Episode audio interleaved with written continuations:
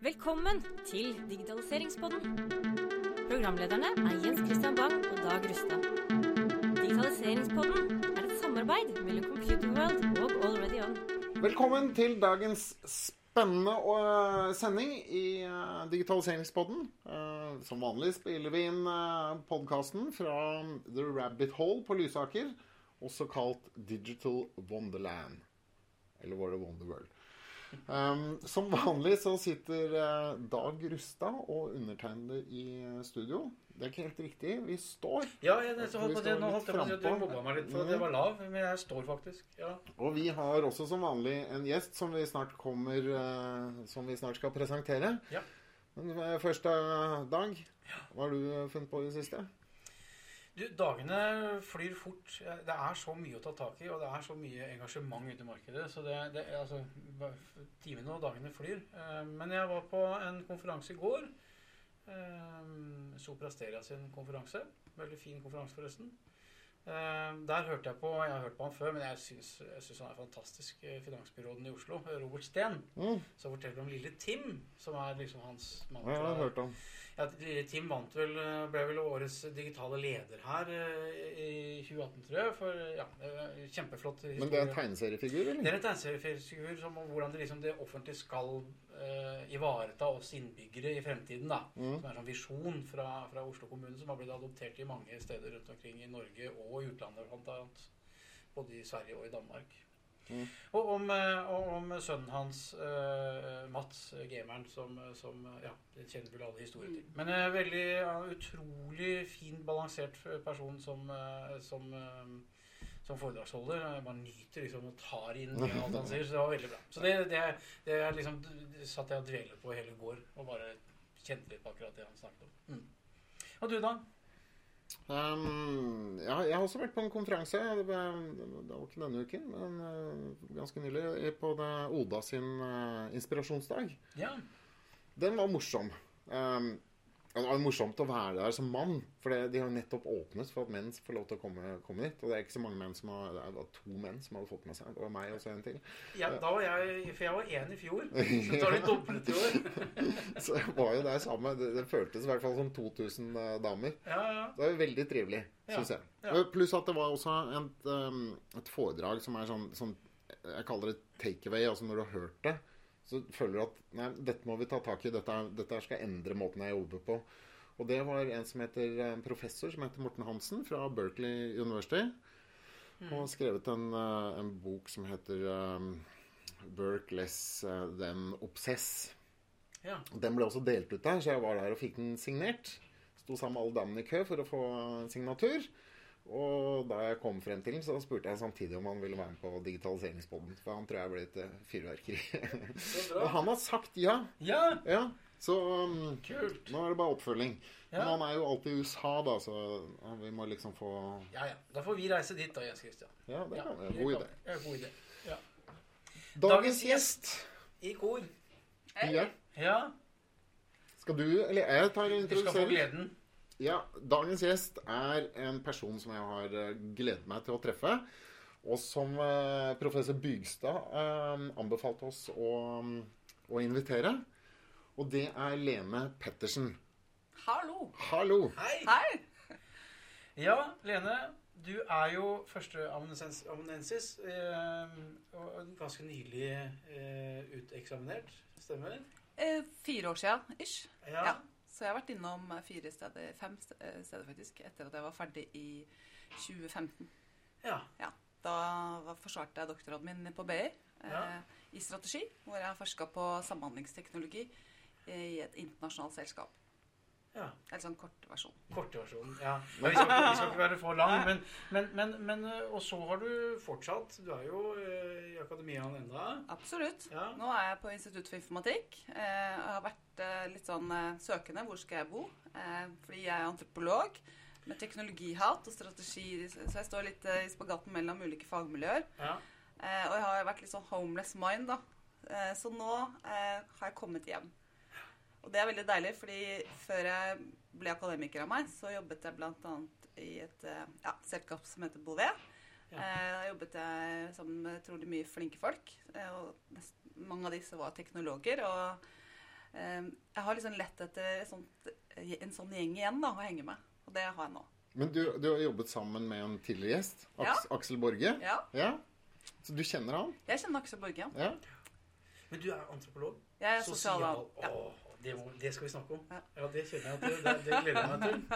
Um, men um, litt sånn eh, på sånn eh, bakgrunn før, før du jobbet og utdannelse jeg, jeg vet at du er egentlig utdanna frisør? Ja. ja. Eh, Svennebrevet i frisør- og er ganske, ja, men altså, det er morsomt. Det er morsomt den reisen du har hatt. Det er liksom frisør, sosialantropolog, og så har du liksom Ja. tatt doktorgrad. Og det, Ja. ja, du har, Det har, ikke, vært- det har ikke vært sånn straight forward, det, det jeg har gjort, da. Men Nei, eh, men du har ikke jeg, ligget på latsiden heller eh, for å få til alt dette? nei, jeg har stoppa. Men jeg Ja. har jo vært drevet av at eh, ting har vært gøy, og ting jeg har hatt lyst til å gjøre. Så Mm. det at jeg ble liksom skippet inn på frisørlinja fra Majorstua skole, eh, og ikke til eh, gymnaset, eh, det var jo fordi jeg var veldig lei skolen. Ja. Og visste ikke helt hva jeg skulle gjøre. Så da fant disse rådgiverne ut at frisør er sikkert ting for deg, for du har jo klippa alle klassen allerede. Ikke at de var så fine, men eh, og du prøvde ut. Og eh, min påstand er at det, har gjort meg, det gjør deg til en god antropolog å snakke med folk eh, på Grønland T-banestasjon, hvor jeg jobba i to år. Eh, altså Dybdeintervjuer er jo et Ja. av våre virk, viktigste verktøy som antropolog og observasjon. Ja. Taxisjåfører og frisører som må kunne føre en samtale. Ja. Mm. Nå har ikke vi noe særlig kontakt med frisører lenger, Jens Christian, i noen av oss, men taxisjåfører de, de kan vi snakke med.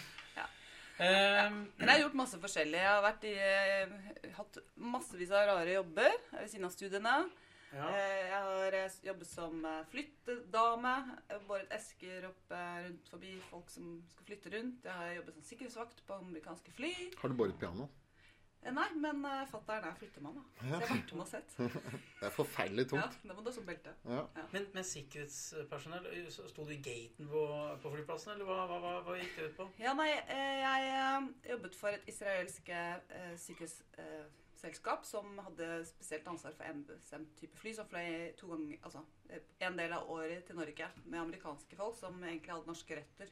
Mm. Eh, Og dette var utsatt for mye bombetrusler. da. Så det, en av de arbeidsoppgavene jeg hadde som sikkerhetsvakt, var å, ransake flyet for bomber og andre våpen og ja, sprengladninger osv. Og, så og også påse at eh, disse menneskene som skulle reise, ikke hadde pakka med seg dumme ting i koffertene sine. Så jeg var hun strenge som sa 'Who packed your bag, sir?' Men gikk du med sånn speil og titta under setet? Nei, men jeg hadde sånn der metallgreie. Det hadde jeg. Ja, så det var veldig morsomt. Vi tok jo sånn ja, folk som hadde gjort mye veldig kreative påfunn for å f.eks. smugle dop inn og ut. Og. Ja. Så du tok noen, altså? Nei, så, jeg så på. Mm. Ja. Men du, du sa en ting eh, da vi var på Og det er noe helt annet. Da vi var på vei inn i studio nå. Ja. At du hadde skrudd av Google Homen din. Ja. Eller kasta den. Eller hva var det du sa du hadde gjort? Jeg har ikke gitt inn. Da blir barna mine veldig surre. Nei, jeg eh, fikk jo hive i en sånn Google Home som de fleste av oss fikk rundt juletider. Ja. Eh, da kjøpte jeg meg en ny mobil, og da fikk jeg den med på plasset. Og jeg var egentlig ikke så veldig interessert i å ha den i mitt hjem, eh, fordi jeg har ikke lyst til å ha en sånn smarting som driver sånn og lytter og gjør rare ting med det som blir snakket rundt. Liksom over gjennomsnittlig opptatt av personvern, da, Ja. kan du si. Og da sa min eh, datter at den kunne hun nektet at vi ikke skulle ha den, så da hadde hun den inn på rommet sitt. Mm. Til å begynne med så er jo, jeg har vært veldig gøy å teste disse tingene, disse tjenestene lenge. Jeg har jo testa den tjenesten som ikke jeg hadde før, som heter Fråge Anna. Ja. Den eh, har de jo faktisk tatt vekk. Nå driver folk og lager sånne automatiserte tjenester, men ikke jeg tok den vekk, da, for den ble av. Så grunnen til at jeg tok vekk Google Home, eller jeg har tatt den ut av stikkontakten, det kan være at min tar den inn igjen, det er for at jeg syns ikke det er bra nok. Jeg synes ikke, altså jeg behøver ikke å spørre eh, denne eh, dingsen om hva blir været, for det er liksom veldig begrenset hva den faktisk klarer å gi meg av meningsfulle svar, Mm. og tolkningen da. Men kan jo spille radio. Og Jeg kan musikk. spille radio, men jeg vil jo heller mye spille det fra Sonosen min. Ja, men kan du ikke det? det Koble den til. Koble Ja, hun til. bruker den til høyttalere inn på rommet sitt. Men uh, ja, skuffa der, altså. Hvis, Jeg jeg, tror- tror den er veldig god på å fortelle vitser, da. Ja, de, det- de er ikke så verst, faktisk. Er er, det har jeg også gjort. ja. Altså været. været Ja, været. følger med. Ja. Ja, nei, men det var så Men det går av og til. Men, men tror du at den lytter på oss? Jeg har fått litt sånn inntrykk noen ganger når jeg har denne Google Homen hjemme, så, så plutselig sier den 'Jeg forstår ikke hva du sier', sånn helt ut av det blå. Og da tenker jeg sånn øh, vi, Jeg har ikke snakka til deg, jeg sto og satt i et annet rom, og så Ja, ja, Nei, det blir jo bare spekulasjoner. det det blir vet du jo ikke. Ja, nei. Nei, vi får eh, Men jeg tenker at man eh, vi, vi har jo sett eh, tilfeller hvor man faktisk har blitt lytta til. Man har blitt, altså det har satt opp smarte ting hjemme. Mm. Eh, og hvis eh, du ikke har evnen til faktisk å gå inn og se sjøl, eh, så må vi bare ha tillit til teknologien i dag. Mm. Og det har vi i og for seg alltid hatt. da. Vi har alltid hatt tillit til tingene vi bruker. Vi forstår jo, De færreste av oss i alle fall forstår motoren i bilen og likevel tør å sette deg inn i den og kjøre av gårde. Ja. Og det er vi nødt til i dag til å ha. Tillit sies jo å være liksom den nye, viktigste valutaen da, i det moderne samfunnet. ja. Og det har vi jo masse av i Norden. Ja. Og kanskje ikke så mye i resten av verden. Ja, og så har vi tillit til ratingsystemer. Vi har tillit til at, eh, at myndighetene ivaretar at eh, min Google-telefon eller eh, Huawei min eh, ikke avlytter eller eh, ja, Mm. gjør Altså tråkker over eh, menneskerettigheter, personvernslovgivning osv. Du, eh, jeg får et inntrykk av at du, er jo, du har masse energi, og du, har, du er nysgjerrig, og du har liksom bare pågangsmot. Det liksom lyser litt ut av deg. Og en av de tingene som du fortalte på sending, som jeg bare, bare, bare, bare får lov til å nevne for lytterne Du har vært med på 71 grader nord. Ja. det er morsomt. Ja, det er litt gøy, det. Ja, det var veldig slitsomt, da. Eh, Ja. men eh, eh, det må bare skytes inn at eh, det var min datter som meldte meg på. Hun sendte denne søknaden. Men det er bare kjendiser? Eller er det, Nei, det- det er noen som ikke er er kjendiser også? For begge for kjendiser og ikke-kjendiser. Må man være i sånn fysisk god form for å være med? Ja, eh, man er jo på sånn bootcamp, eh, som Ja. er den første episoden. Ja. i hvert fall da. Dette er tre-fire år siden, vel. Ja. Mm. Um, og eh, da var det jo da, altså, Man må jo være i god form. Men, eh, så vi hadde jo veldig mye flinke folk som løp maraton og det ene og det andre. Men det var også folk som eh, Vi hadde, husker jeg, en fyr som eh, for eksempel aldri hadde sovet telt før. Han hadde med seg sånn Syden sommersovepose ute i april. Mm. Våknet i teltet og var liksom skulle vann, så var alt frosset. Han var veldig kald. Han kom, ne- han kom på andreplass. Og du, da? Jeg røyk ut i første eh, runde, og det var egentlig helt greit. For da drev jeg eh, litt sånn i innspurten i doktorgraden min. Ja. Så jeg hadde tatt med hun dattera mi som hadde meldt meg på, til Trysil. Så vi gikk på langrenn hele dagen. Og så satt jeg om natten og skrev eh, på avhandlingen min og sendte ned til en av mine veiledere i Israel om natta. Og så ny skitur. Så jeg var ganske sliten før jeg dro. Men eh, jeg var ikke den Altså, det gikk fint, det. Hvilken sesong er det, da? tilfelle noen har lyst til å se det? Ja, det er, la meg tenke, eh, 2013 er det da. 2013-2014. Ja. Men eh, det er supergøy. Jeg var jo med. Det var veldig gøy. eh, Og ikke minst bare få være med. Ja. eh, Og prøve det ut. Og løpe seks timer om natta med 25 kilo på ryggen. Men du, du er også med i et program som heter Gift ved første blikk. Ja. Eh, Men der er du ikke deltaker. Nei. Eh, I hvert fall ikke en som blir gifta bort. Så du er en analysitør. Ja, på en måte. Ja. Vi er jo da eh, Gift ved første blikk. da, Det er da et TV-program som går på TV Norge. Produseres av Rakett TV. Eh, som eh, i år har vært eh, kjørt vist på norske fjernsynsskjermer i eh, det vårsemesteret for femte gang. Og da er det sånn at eh, jeg er en av fire eksperter. Eh, vi er, det er en psykolog, Katrin Sagen, og så har vi Per, per Magnus Thomsen, som er samlivsekspert. Og så har vi Jens, som faktisk jobber i Beck. Han er atferdsbiolog. Og så er det meg som er antropolog. Og sammen så eh, klekker vi ut eh, tre par eh, som vi matcher, basert på våre grundige analyser, som gifter seg da sammen første gang de ser hverandre. Ja. Og så må de leve sammen i fem uker. Er det koselig, eller? Er så koselig. Det er det? Og i helga så var vi i Bergen på Gullruten, og jeg føler at jeg har fått sexparty. Bare klemmer og kjærlighet og ja. Ja, ja.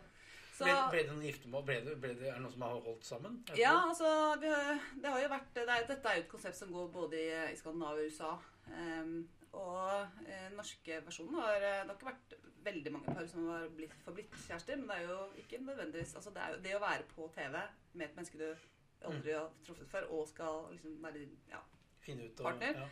Det er jo en ja, ganske stressa situasjon, men eh, dette eh, Altså, produksjonen er så flinke da, til å ivareta folk. Så i år så har vi tidenes match.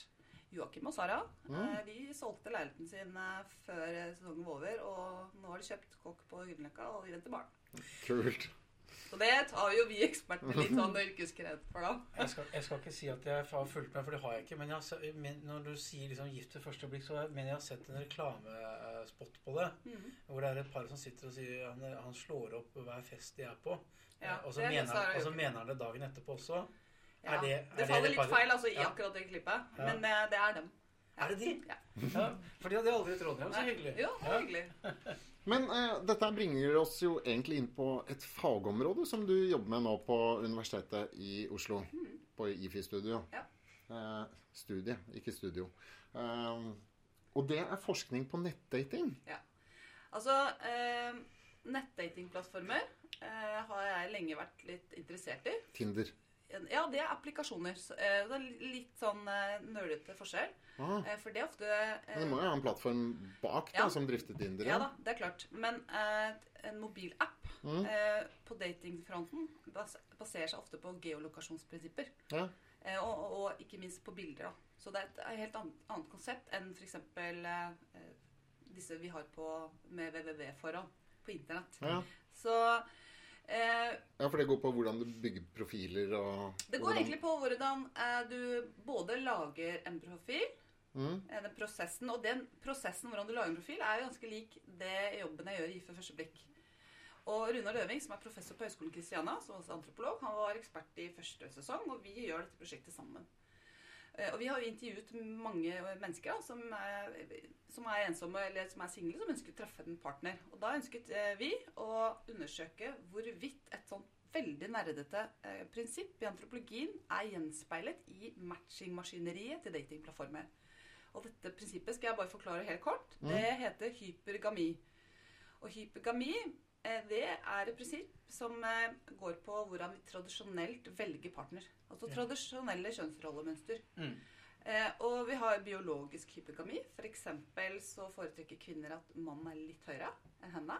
Og mannen foretrekker også at kvinnen er litt lavere og ikke høyere. Eh, så der må man være forskjellige.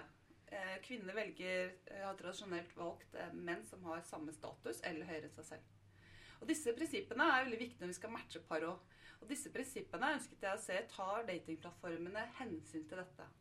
Sånn at eh, hvis vi to blir matcha da, av en plattform, og du tjener en million kroner, og jeg tjener kanskje 500 000, så vil eh, det være en god match ut ifra et sånt hypogamiprinsipp. Men vi finner at enkelte plattformer signaliserer det med rødt flagg. Mm. Fordi den eh, standardiserer at hvis den ene tjener veldig mye mer enn den andre, så er det eh, uheldig.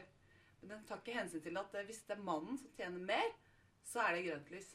Skjønner du? Men er det fordi at man, den som tjener mest, blir dominant, da? Ja, altså, eh, nei, det går på, det går på status igjen, da. Eh, sånn at eh, Kvinner like velger eh, Altså, kvinner har tradisjonelt valgt menn som tjener mer, som har høyere eh, utdanning, som har type høyere stillinger. Eh, og inntil i hvert fall, Det vet man jo ikke helt, men eh, fordi det fremdeles er kjønnsforskjell i samfunnet vårt, så er disse prinsippene også til stede. Og det er en utfordring i dag, fordi det er dobbelt så mange kvinner som menn som får seg høyere utdanning. Det betyr at det er, Dette er ren logikk, egentlig. Ja. Og dette, da er vi på null og én. Ja. Eh, at det er en liten pool med menn som er attraktive for veldig mange kvinner. Så det vil jo da i verste fall resultere at det er en del kvinner som aldri vil finne seg en mann. Og det vil være en del menn som ikke vil bli valgt. Og det er et samfunnsproblem. Og det vet vi at det er ganske mange menn i dag som er ufrivillig barnløse, f.eks.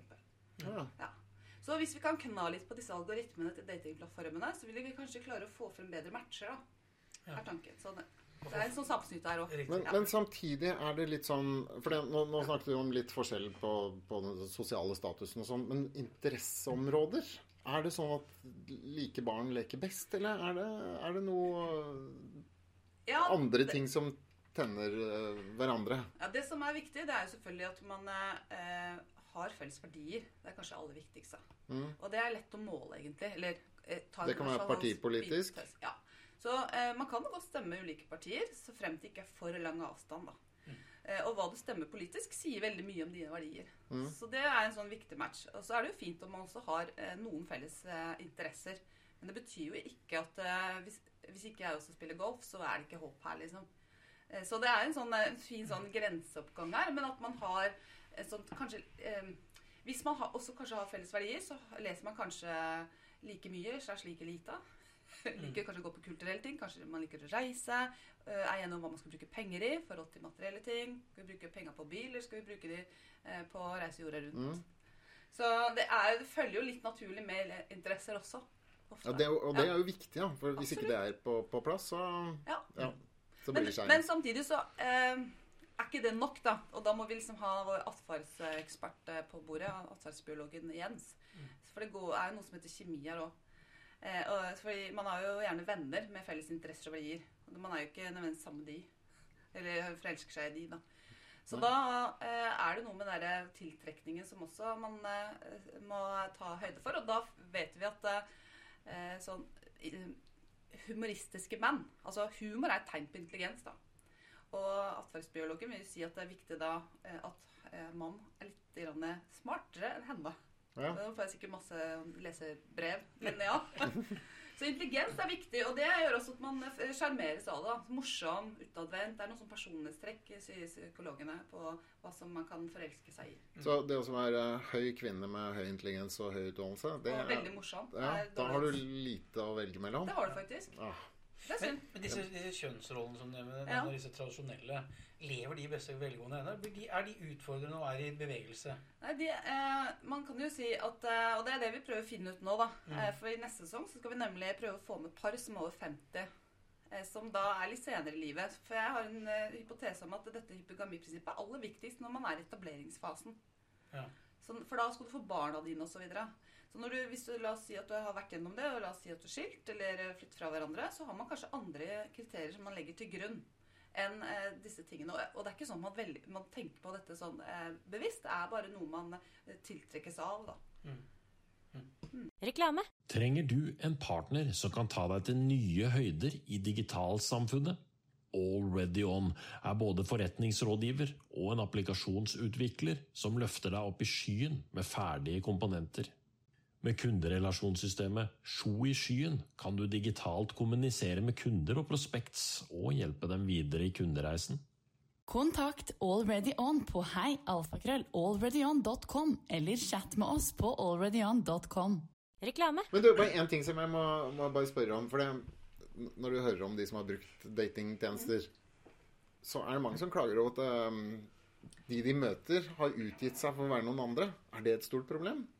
Og greier man å fange opp det gjennom sånne tester? Ja, altså, eh, det er massevis av utfordringer med nettdating. Det er eh, mange bra ting, eh, men også noen utfordrende ting. Og en av de tingene som er litt utfordrende, er at eh, teknologi gjør noe altså, med hvordan vi innleder og avslutter relasjoner. Sånn at eh, vi har, finner jo f.eks. Eh, noe som heter 'the fear of missing out of match'. Det betyr at eh, man eh, før, da, før internett, så, eller i og for seg nå, så går du på fest, eh, du ser en person du synes er søt. Da er all oppmerksomheten din fokusert mot dette mennesket. Du tenker ikke 'Oi, dette mennesket var søt'. Jeg lurer på om det kommer noen som er enda søtere etterpå. Ikke sant? Mens på internett så gjør du det, for du får hele tiden så mange valgalternativer. Så man, eh, man eh, Vi vet ikke nødvendigvis hvor mange relasjoner som blir etablert. Plattformen er veldig eh, tilbake med å holde tilbake data om hvor mange som har blitt et par, og det er vanskelig å måle det. Men det gjør noe med deg, eh, og det er mange som bruker disse plattformene også som bare egentlig som nesten sosiale medier. Bare Du har en profil bare for å få bekrefta, få, litt endorfiner. Altså når du får likes, altså du får et lite hjerte, blir anerkjent og kjent. Så eh, det er klart at vi ser også på data fra USA, Plenty of Fish-undersøkelsen derfra, at eh, mange yngre mennesker rapporterer at de føler seg mer ensomme. Eh, og at de, mange syns det er blitt vanskelig å etablere et kjærlighetsforhold etter eh, pga. teknologi, og at det er vanskelig å føre en sånn face-to-face-samtale.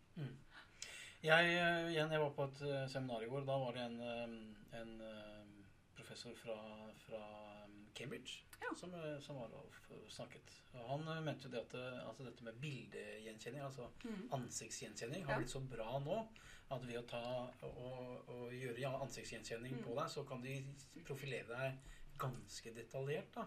Ja. Og ganske korrekt også. Men er dette noe som er, de har begynt å ta i bruk i, i nettdating-sammenheng? Ja, altså, Nå må vi ikke glemme at eh, nettdatingplattformer, akkurat som Facebook og Google, er jo eh, selskaper som er annonseplattformer. Så de tjener penger på reklame. Og så tjener de penger på eh, Altså, i fjor bare så tjente matchgruppen jeg tror det er 18, nei, 11 milliarder kroner på singlefolk. I Norge? Eh, Nei, med hele matchgruppen. Ja. Ja. Eh, og eh, Tinder eh, Altså politikken hadde Norske Avisa hadde nå en serie om Tinder eh, hvor de har da oppdatert eller oppgradert algoritmen i Tinder-appen. Mm. Eh, hvor du får en rank, sånn som man får i sjakkspill. Og det går på attraktivitet. Hvor bra du ser ut. Eh, også andre parametere, som hvor mye snakker du med folk osv. Da får du en sånn rank, da. Og det betyr at det er ganske mange eh, Hvis du blir ranka for fem, da, og du ni, så er det ganske mye penere eller bedre mennesker som du får tilgjengelig i den bunken å bla i, enn det du får.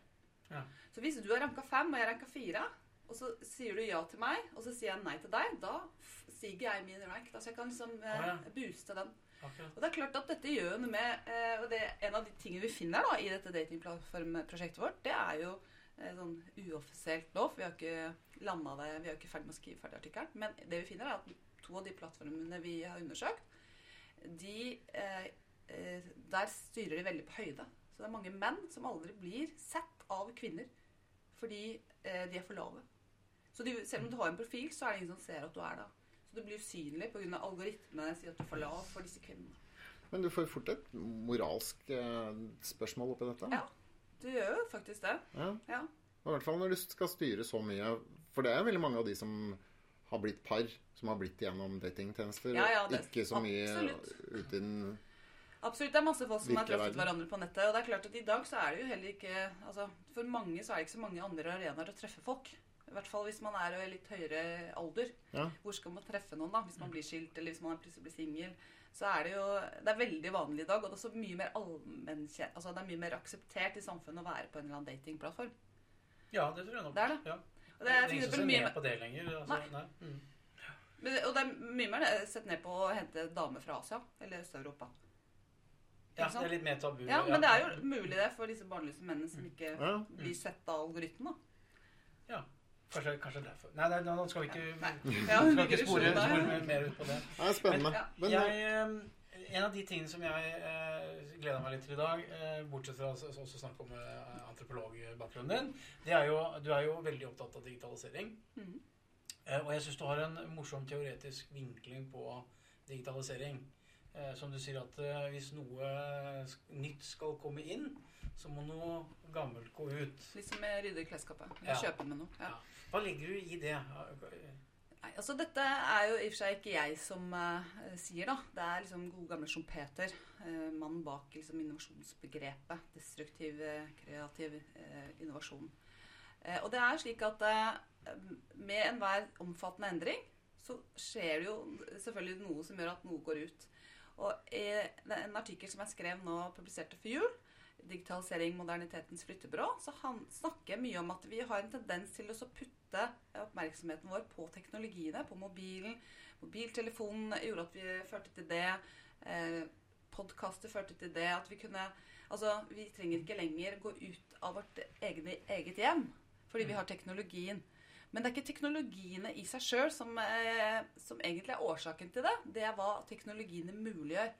Så eh, et hovedpoeng da, eh, som jeg er opptatt av, er nemlig at teknologi i dag gjør mulig at man har en sånn kontekstforflytning. Så jeg trenger ikke lenger å gå til banken med regningene mine. Jeg trenger ikke lenger å gå til butikken for å kjøpe mat. Jeg trenger ikke lenger å gå på bar for å få meg fyre, liksom. Mm. Jeg trenger ikke lenger å gå til platesjappa for å kjøpe, kjøpe musikk. Jeg kan få alt hjem til meg, så konteksten har kollapsa. Mm. Så jeg kan sitte i min egen sofa, i min egen stue, trenger ikke gå ut døra, så kommer alt inn til meg. Og det er akkurat det, eh, den oppmerksomheten retta mot det. Hva innebærer det for et samfunn? Men er det et mål for alle mennesker? Er det det du mener? Å ikke flytte seg ut av hjemmet sitt? Nei, men med, eh, når eh, alt de blir digitalisert, så er det jo faktisk mulig å ikke måtte forlate sitt eget hjem, bortsett fra når du skal på jobben og på konsert og sånn. Så kan du faktisk få gjort alt unna i ditt eget hjem. Og da må vi eh, gå litt tilbake, fordi ja, det er jo fryktelig deilig å ikke måtte stå på Tøyen og levere ligningsattesten din Mm. eh, i april. Eh, iskaldt. Det er jo veldig deilig. Det er effektivt. Men det å handle varer, det å være i offentlige rom, der møter vi mennesker vi ikke kjenner. kjenner. Mm. Og disse menneskene vi ikke kjenner, de er viktige i eh, samfunnet vårt. For de er med på å bidra til å skape fellesskapsfølelse, sosial tilhørighet. De er med på å integrere oss nordmenn i det norske samfunnet. Så det å gå på shopping er eh, veldig sjelden bare for å handle ting. Det er for å gjøre noe sammen, og det å bli sett, og det å være en del av noe større. Ja. ja. Så det, når du får alt det hjemme i stua di, så blir, omgir du deg eh, bare med eh, ditt nærmeste nettverk og din egen sosiale gruppe. Eh, og du ser mindre av eh, det store mangfoldet som, et, som skal være et demokratisk samfunn. Så vi, vi mangler da den derre Og føler det som et savn. At vi ikke Det er ikke sikkert folk føler det som et savn, for de syns det er kjempedeilig å få koloni, kolonial på døra og slippe å gå i butikken. Men eh, når vi vet at det, det er såpass mange mennesker i dag som bor alene Den største husholdningsgruppen i Norge er aleneboende. Det er mange mennesker som eh, også føler seg ensomme, som sliter med utfordringer. Vi har en eldre bølge som fyker i været. Eh, og hvis de da ikke får eh, noe Altså hvis man ikke har interaksjon med tilfeldige andre, og det skal så lite til eh, Det er forskning som har eh, forska på Starbucks. Eh, det er bare å, å utvikle konseptet ditt sånn at du faktisk bare får det øyekontakt. Takk skal du ha, en fin dag. Det skal ikke mer til. Det, det å snakke med fremmede på trikken eksempel, gjør at du føler mer tilfredshet og lykke. Det er de små der vi må booste. Så istedenfor at alt kommer inn til deg, så må vi også da ok, Hvis alt skal være hos deg, så må vi kanskje også innovere tjenestene våre til at det kommer noe mer inn til deg. da. I Frankrike så kan du betale postmannen litt for at du skal drikke kaffe med foreldrene dine. Så det er en forretningsmulighet, da. Det er det som er poenget mitt. Men um, jeg, jeg bare tenker på Hvorfor kan man ikke digitalisere den delen òg? Husker du noe som het um, Second Life? Ja, De jeg husker at enda. DNB åpnet en filial der for 500 000 kroner. På en god dag var det en på besøk. Ja. Og svensk, svenskene hadde ambassade der, og Ja, ja. IBM og Microsoft hadde kontor og sånn. Men, men hvorfor har ikke den typen virtuelle verdener for, Bare for å forklare hva det er for noe, så er det jo det er et sted du kjører en sånn 3D-person rundt, som du har kledd opp Altså din egen avatar, så du ser ut sånn som du har lyst til å se ut. Og så kan du gå rundt og prate med folk. Og de eh, i, i Second Life så Jeg mener, jeg husker det var 30 millioner innbyggere eller noe sånt. Det var ganske Ja, det var stort. stort. Folk tjente penger da. Ja, og, og der kunne du også melde deg på kurs, og du kunne sette deg i klasserom. Og da satt jo alle de andre avatarene som var mennesker som, som var rundt der. Du hadde jo liksom en sosial greie. Du kunne begynne å snakke med de andre som satt der samtidig som det var kurset, og forstyrret du de andre. Men Ja. ja. Hvorfor kommer det ikke mer sånne Nei, Vi har jo mange sånne interessefellesskap eh, i dag. Fifa-spillere over hele verden. ikke sant? Eh, Pokémon Go. Så vi har også nye arenaer som det dukker opp i. da. Men vi vet også at det, eh, i dag det å faktisk kommunisere sammen bare gjennom Facebook, gjennom skjerm eh, Du får ikke du får, eh, altså Skårderud snakker om at det er en forkledd nærhet. Mm. og det tenker jeg er noen gode poenger. Noen gode poenger og eh, Forskere som Sheryl Turkle også er opptatt av at eh, vi må ta tilbake samtalen. Og den må vi lede face to face. Jeg, jeg tror at jeg har Jeg skal ikke utlevere, men jeg tror ikke jeg er alene om det. Jeg har barn som, som eh, liksom Skal dere ikke gå ut, da? Skal dere ikke finne på noe? Altså, Dere møter aldri venner. så sier jeg sånn, Venner? Vi med dem hele tida, vi. Ja, det er sant. Ja, de sitter jo hjemme og Ja. snapper og, og tweeter Ja. eller hva de nå driver med. WhatsApp eller ja. Ja.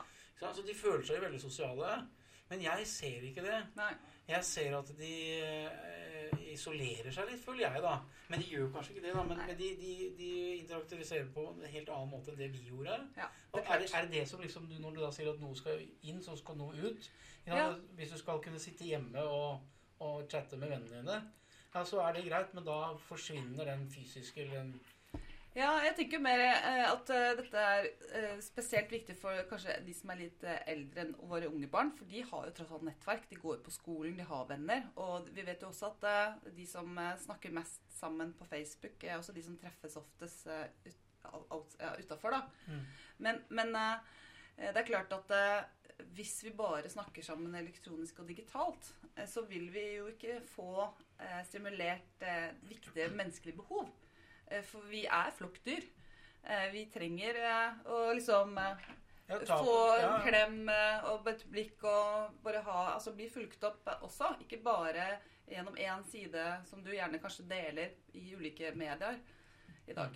Men, men det er klart at det, det er ikke sånn at du altså Det er veldig mye Er du for eller imot sosiale medier? Hva sier forskerne egentlig? Og det, det de finner, er jo at det, det er en gruppe folk som eh, kanskje kan være en utsatt gruppe da, for å bli mer ensomme, for å få angst. Men eh, det store bildet er jo ikke at det er ingen fare for at det vil erstatte nødvendigvis.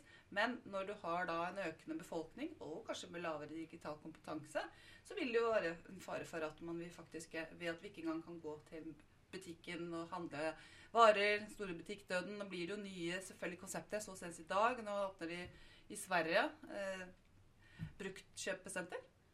Fantastisk. Yes. Ja. Ja, fordi eh, kjøpesentrene dør jo. Mm. Og så kommer det nye ting. Og det, ja, Svømmebasseng, eh, badeland og alt sånt der. Mm. Så, men jeg, mitt poeng da, det er at vi må, eh, vi, må, vi må stille spørsmålstegn ved Det er supert når vi kan eh, lage selvbetjeningsløsninger, ikke trenger å gå i banken eller til Nav eller osv. Men hva er det vi risikerer å miste på digitaliseringsveien? Jo, vi risikerer å miste folk vi ikke kjenner. Kontakten med fremmede. Den lille småpraten med hun i kassa. Hun med, eh, på Nav og så bare sånn Jeg skjønte ikke det. Ikke sant? Det, vi trenger Vi kan ikke gi slipp på alle de menneskelige kontaktpunktene. Nei, og det, og det, og det er jeg helt enig i. for jeg ser, Altså, var en, en venn av meg, så- så barnet som skulle søke jobb. Mm. Og, og, og de syntes det var kjempevanskelig å gå i butikken og levere den søknaden. Ja. Kunne jeg ikke bare snappa den søknaden? liksom? Da hadde alt vært så mye bedre. Da kan du bare sette den en gang. Ja, ja, men, altså, men den, den, den, fysiske kontakten, da. Ja. Å møte opp og si 'hei, jeg er', Ja. og hyggelig å møte deg. eh, Og levere, og jeg håper at du, du leser denne, liksom. Mm. Det var en barriere som, som var veldig tøft, da. Ja. For, de som, for den personen som da Skjønner. Men det tror jeg er litt sånn fra menneske til menneske også. Ja, ja. Jeg, jeg syns jo det er morsomt å prate med folk, så jeg, jeg får jo høre ja, livshistorien til Ja. som sitter i kassa for de setter i gang en samtale. Mm. Og, og, det, og det føles jo godt å ha snakket med, med en Sånn som du sa, hvis eh, en fremmed person Selv om du treffer på, på trikken eller eh, i matbutikken, spiller det ikke noen rolle, det, egentlig. Men jeg, jeg pleide av og til Jeg har to barn, eh, og det var så innmari lei av at jeg måtte mase til den om dere går i dusjen eller går på baller, nå må skru av og gjøre lekser. Så eh, til slutt så drev jeg bare og tok av internett. Ja. holde meg ut en gang på jobben. Da skjer det ting. Da skjer det sagt. Da var det rett ut. Ja.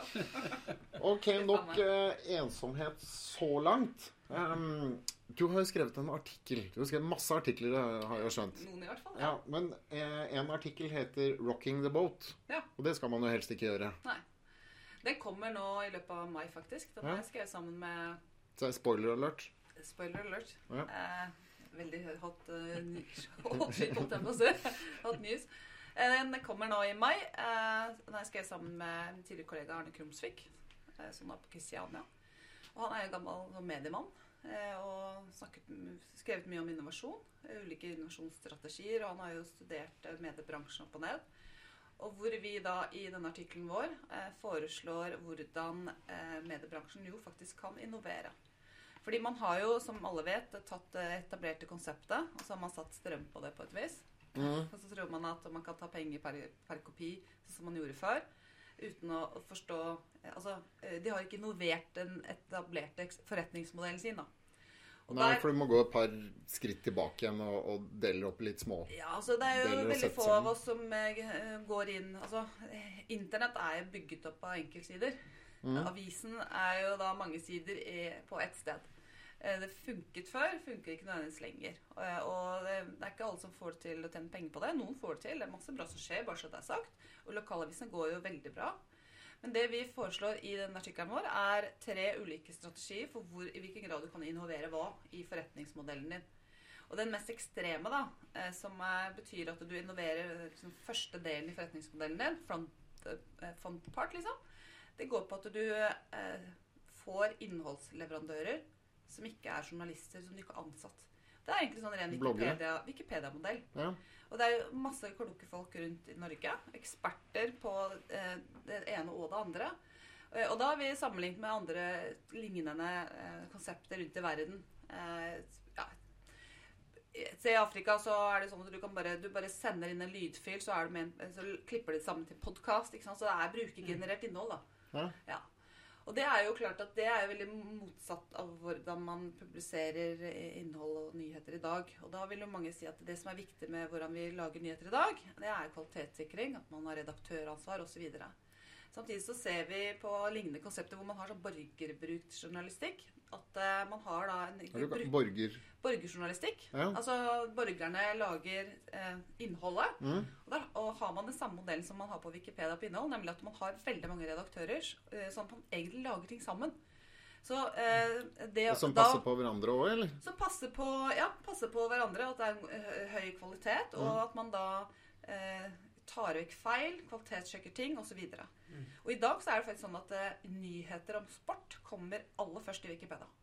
Kjappere enn uh, på CNN, tror jeg det var.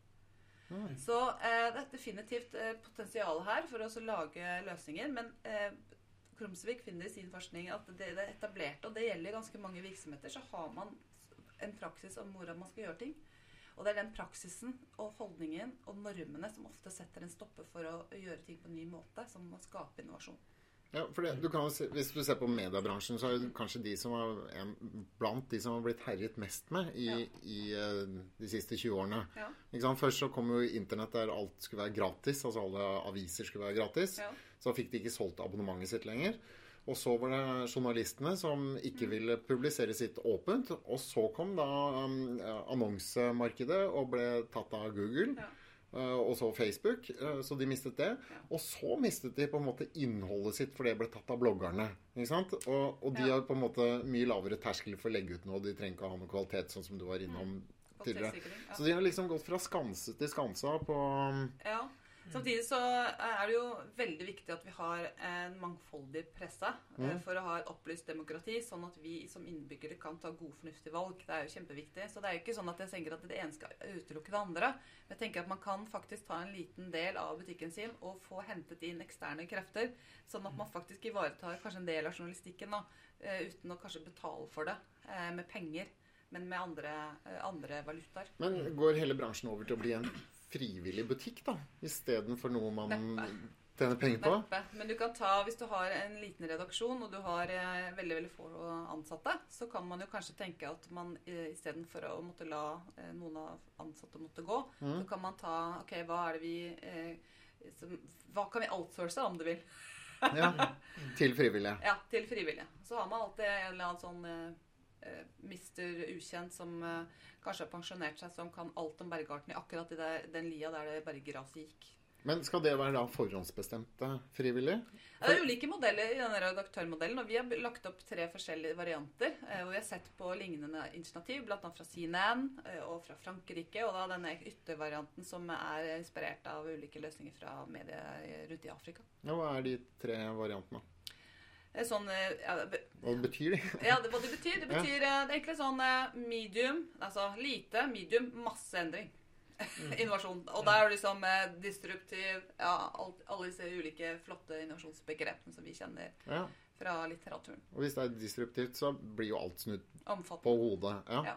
Omfattende. Og det er en omfattende endring for eh, et mediehus å snu på modellen. For, hvor man har da vanligvis hatt en sånn verdikjede hvor man har opprettet en sak. Det er ganske lineært. Til slutt så blir det godkjent av en redaktør, og så blir det gitt, og så blir alle sletta. Her er det egentlig motsatt. Eh, etter en, noe gått noen runder så kan ting faktisk bli sletta. Mm. Så den kommer. Gøy. Ja. Spennende.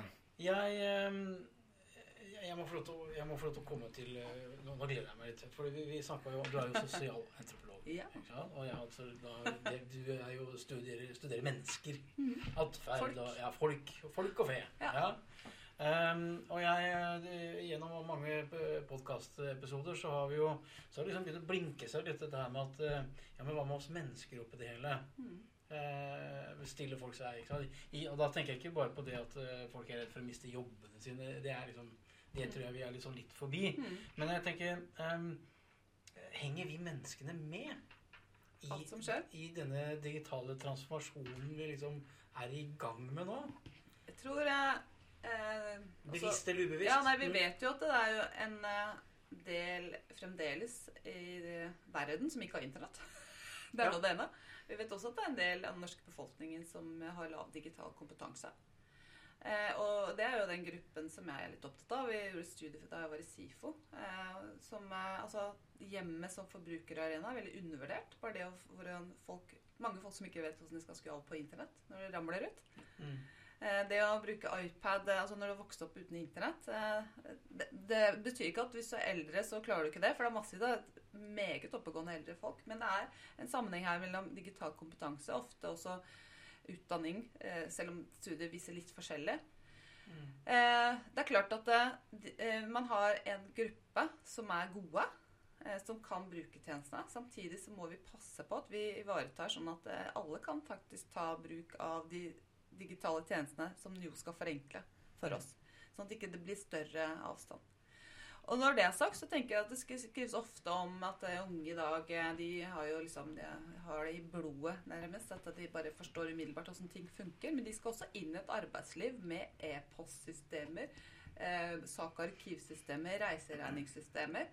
Og, eh, og de, deres digitale kompetanse er ikke nødvendigvis eh, høy fordi de har, eh, har bruker Snapchat. Ja, de har digital sosial høy kompetanse, Ja, kanskje, men ja. ikke nødvendigvis system. Ja. Ja, men vi har jo noe i, i ryggraden. Altså, fordi Blir ikke født med noen andre gener enn oss. Nei, men når de skal løse en oppgave, så kjenner de ikke til den analoge måten å lø løse oppgaven på.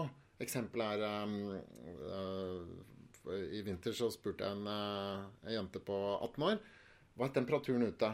Istedenfor at hun gikk bort og så på um, Ja, termometeret, Mm. Ja, så åpnet hun Snapchat. Ja. Og så bare dro hun over filteret som viste temperaturen. og Ja, nei, det er minus fire grader. Ja. Ja, og det, det er på en måte Men de går også og ser på den utenfor vinduet. Jeg er datter på 16. Hun vil gjerne at kan vi ikke få opp en sånn temperaturmåler nå? Fordi den er mer nøyaktig. Akkurat der utafor vinduet vårt. Eller Ja. som helst. Mm. Men eh, det er klart at vi må ivareta menneskene oppi dette, eh, dette gøye, denne gøye tiden vi lever i. Sånn at man kan faktisk, eh, alle kan dra nytte av det. Slik at, det er like, at alle kan få like muligheter. Mm. Selvfølgelig. Ja, og så, og så tenker jeg um, altså vi, vi, Digitaliseringen går, og det toget har forlatt perrongen, og sier vi, og, ikke sant? Så vi er jo vi er jo i gang. Ja. Vi er godt i gang. Men vi er fremdeles kanskje ikke Vi er litt i startgropen ennå. Vi er det. Men um, er det sånn at nå um, teknologien styrer fremtiden, eller er vi fremdeles avhengig av at menneskene blir med? Ja, det, det er jo en veldig gammel diskusjon. Eh, hvor man, jeg tror de aller fleste er enige om at det er ikke enten eller, det er begge deler. Ja? Så det er jo som en sånn derre, eh, hjul her som rører seg helt samtidig. Helt likt. Mm.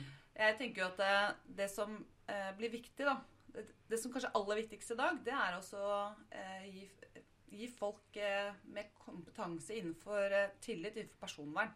Sikkerhet, det å være en trygg nettbruker. Eh, Det å, eh, altså er det, hva, hvordan faktisk eh, kjøp, bruke tjenester som er trygge når jeg skal betale, og ikke minst hvordan kan jeg vite at dette innholdet ikke er bare altså fake news. At jeg har tillit til det. Hvordan faktisk ivareta at forbrukeren, innbyggeren, har et, et personvernskjold framme. Kritisk tenkning i Mm. hvordan man skal bruke det. Hvem har ansvar for dette, mener du? Nei, i dag så er det jo opp til den enkelte. Ja. Det, mener jeg, det, er, det mener jeg er kritisk, og det må man ta på alvor. Fordi i dag så eh, risikerer man å eh, skli bakpå fordi man ikke har eh, det, det er ikke et initiativ som skal ivareta eh, innbyggerne. Mm. Mm.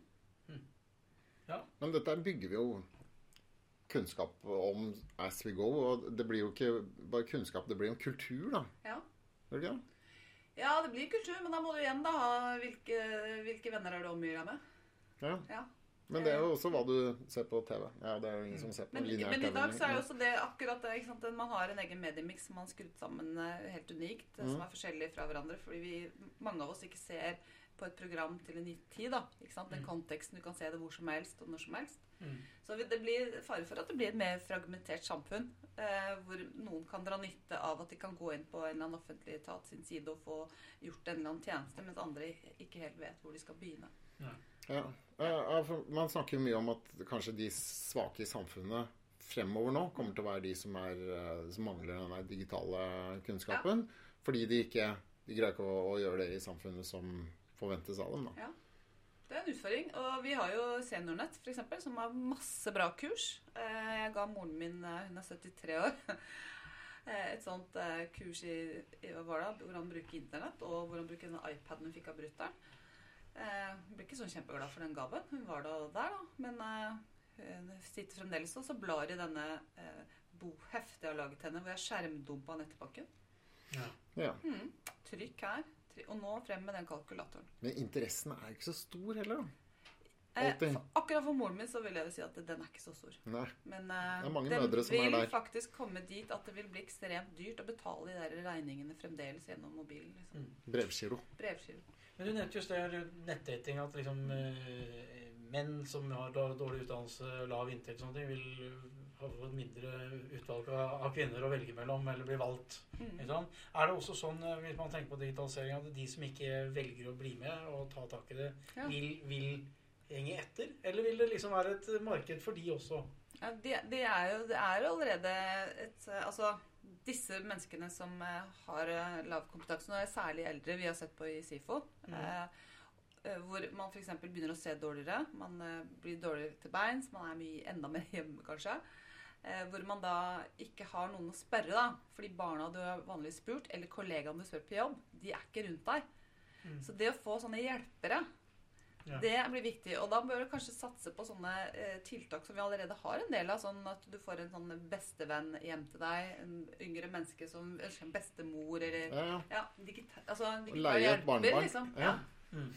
Men, og, men og det er klart dette er jo et stigende problem. Fordi folk blir jo eldre og eldre også. Ja. Eh, Og så kommer det stadig vekk nye tjenester. Da. Så når du først kanskje har endelig lært deg en eh, tjeneste altså det, Når du før- kanskje endelig har lært deg nettbank, som vi kanskje ler av, så Ja. kommer liksom Vipps. Så liksom. Vips, ja. Og så kan du bare ta bilde av regningen din, og så ja. Ja. Mm. Så det skjer, det, det kommer noe, hele tiden noe nytt. Så det tror jeg også det er en, en, en del av befolkningen som står i fare for at man liksom hele tiden føler at man henger litt etter. da. Ja. Men samtidig, hvis du må lære deg noe nytt hele tiden, så blir man jo friskere i hodet og Ja.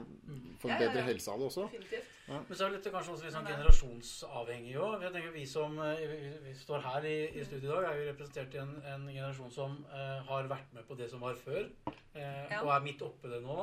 Eh, jeg kan noen ganger kjenne litt på at åh, det kunne vært deilig å bare eh, kutte ut alt som hadde med telefoner og PC og, og teknologi og liksom bare ha sånn Ta en digital detox. Ja, sånn anal, jeg vil ha sånn analog ferie. Det er Jeg gått helt noen fint i ja. 30 minutter, tenker jeg. Vil, vil det, altså, men det, det er jo vår generasjon, da. Men eh, vil det dukke opp? Vil det, Det har dukka opp. har det det? Ja, det har jo blitt litt sånn overklassefenomen. Jeg har kollegaer som forsker på digital detox, eh, hvor de, man da typisk da har Det er jo høyere, eh, altså, høyere segment i befolkningen som har jo som regel bedre helse, for du har råd til å kjøpe grønnsaker og ta deg fri og ikke jobbe helgen alltid. Eh, de har også nå eh, muligheten til å faktisk altså, De har tatt eh, De tar dig, mer digitale detox-ferier, om du vil. Mm. Litt sånn, eh, også litt sånn eh, Hva skal jeg si? Hva, hva innebærer det, da? Hva gjør man da? Nei, da øh, kommer, sjekker du inn i mitt hotell, og så må du overlevere alle dingsene dine kanskje til meg. Og så Ja. har, du, har du et håndkle og en, en bok eh, Ja. hos deg ved, ved havet. Neida, men det, det vil jo bli en sånn spa-opplevelse. da, Men, men eh, det, man, eh, vi ser i dag at det er flere som ønsker, som får liksom nok, og som logger seg av. Mm. Eh, og det er jo egentlig bare å gjøre det. Det er jo bare du som bestemmer det. Og lage seg noen gode rutiner, sånn at vi ikke eh, sjekker Vi sjekker jo hvor mange hundre ganger om dagen her nå. 160. Eh, Bare om du har fått en e-post? Nei, det har ikke skjedd noe siden i stad. Altså, det har ikke skjedd så mye. Og jeg hadde en gang en sjef på slutten av 90-tallet som sa noe klokt. Hun sa jeg sjekker e-post to ganger om dagen. Eh, Nei, tre ganger om dagen. Det var klokka ni, klokka etter hun kom fra lunsj, tolv, og klokka tre da hun gikk hjem. Og hvis det var noe viktig etter det, så ringte folk. Mm. Og det tenker jeg gjelder jo veldig riktig ennå. Hvis det er noe som brenner, så ringer du. Ja. Og det er sikkert smart, men Mm. det er ikke mange som gjør det. altså. Men det krever eh, en sånn kunst. Jeg, logger, jeg logget meg av Facebook i et år. Jeg skal si at jeg var på Twitter, da, men det var liksom, der er veldig sånn fag. da. Eh, og det var ikke noe problem, det. Men det som var morsomt, det var at jeg logget meg på igjen. Eller opprettet en ny konto, da. Og addet folk, så fikk folk sjokk. Bare sånn Hæ? Hvis ikke at du har vært borte. Det var ingen som hadde sant meg. For sånn, Mine nærmeste venner. Trodde du var venner. For sånn, så, Men det vi snakker om nå, er jo øhm, denne øhm, Hva heter det stoffet inni kroppen? Som blir eh, endorfiner. Endorfiner. Ja. For du får jo endorfiner av informasjon. Ja. Så hver gang du ser at det er melding til deg, ja. ja, så, så, kom, så starter jeg suget etter endorfiner. Sånn at du, du må Jeg bare må sjekke hva det er for noe.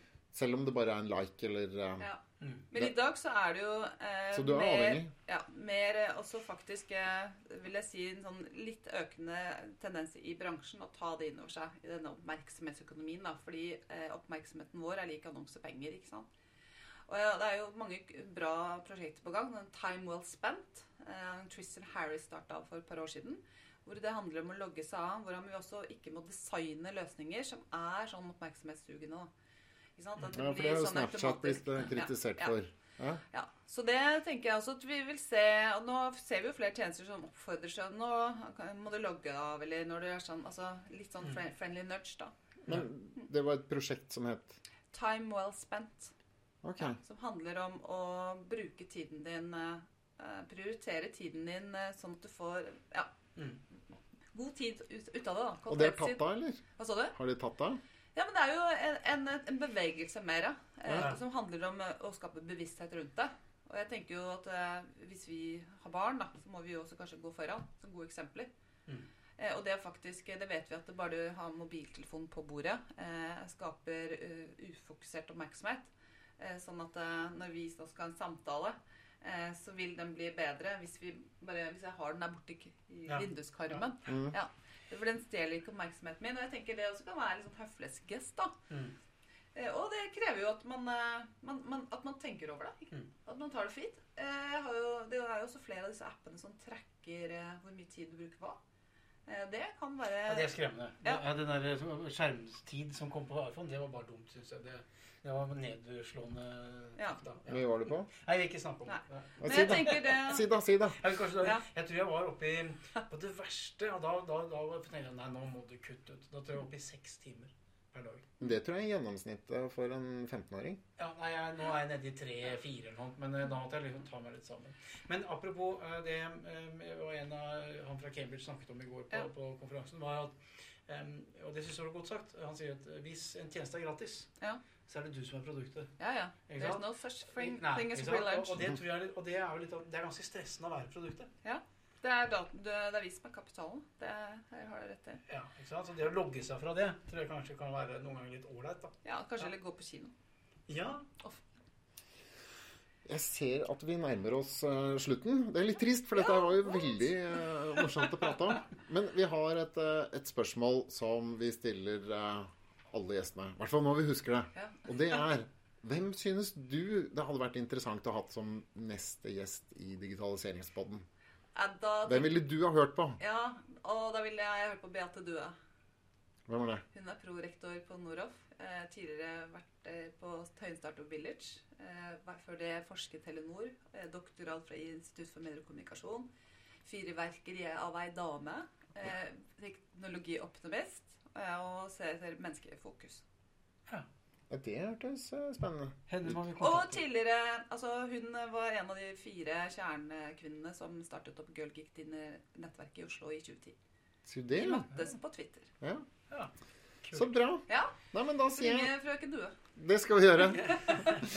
Da sier vi tusen takk for en uh, fantastisk uh, stund. En eh, tankevekkende sending. Det er det absolutt. Ja. Og for for dere som hører på, så håper jeg at de har, dere har lært noe nytt. Det burde dere, for det har jeg gjort. Så så høres vi igjen neste uke. Ha det bra. Ha det godt. Takk for at du hørte på Digitaliseringspodden, levert av Computerworld og Already On. Vil du lære mer om digitalisering, eller planlegger digitalisering i din bedrift? Last ned digitaliseringsguiden fra alreadyon.com slash digitalisering. I løpet av 15 minutter kan du sette deg inn i de viktigste uttrykkene innen digitalisering, og ta de første skrittene i din digitalisering.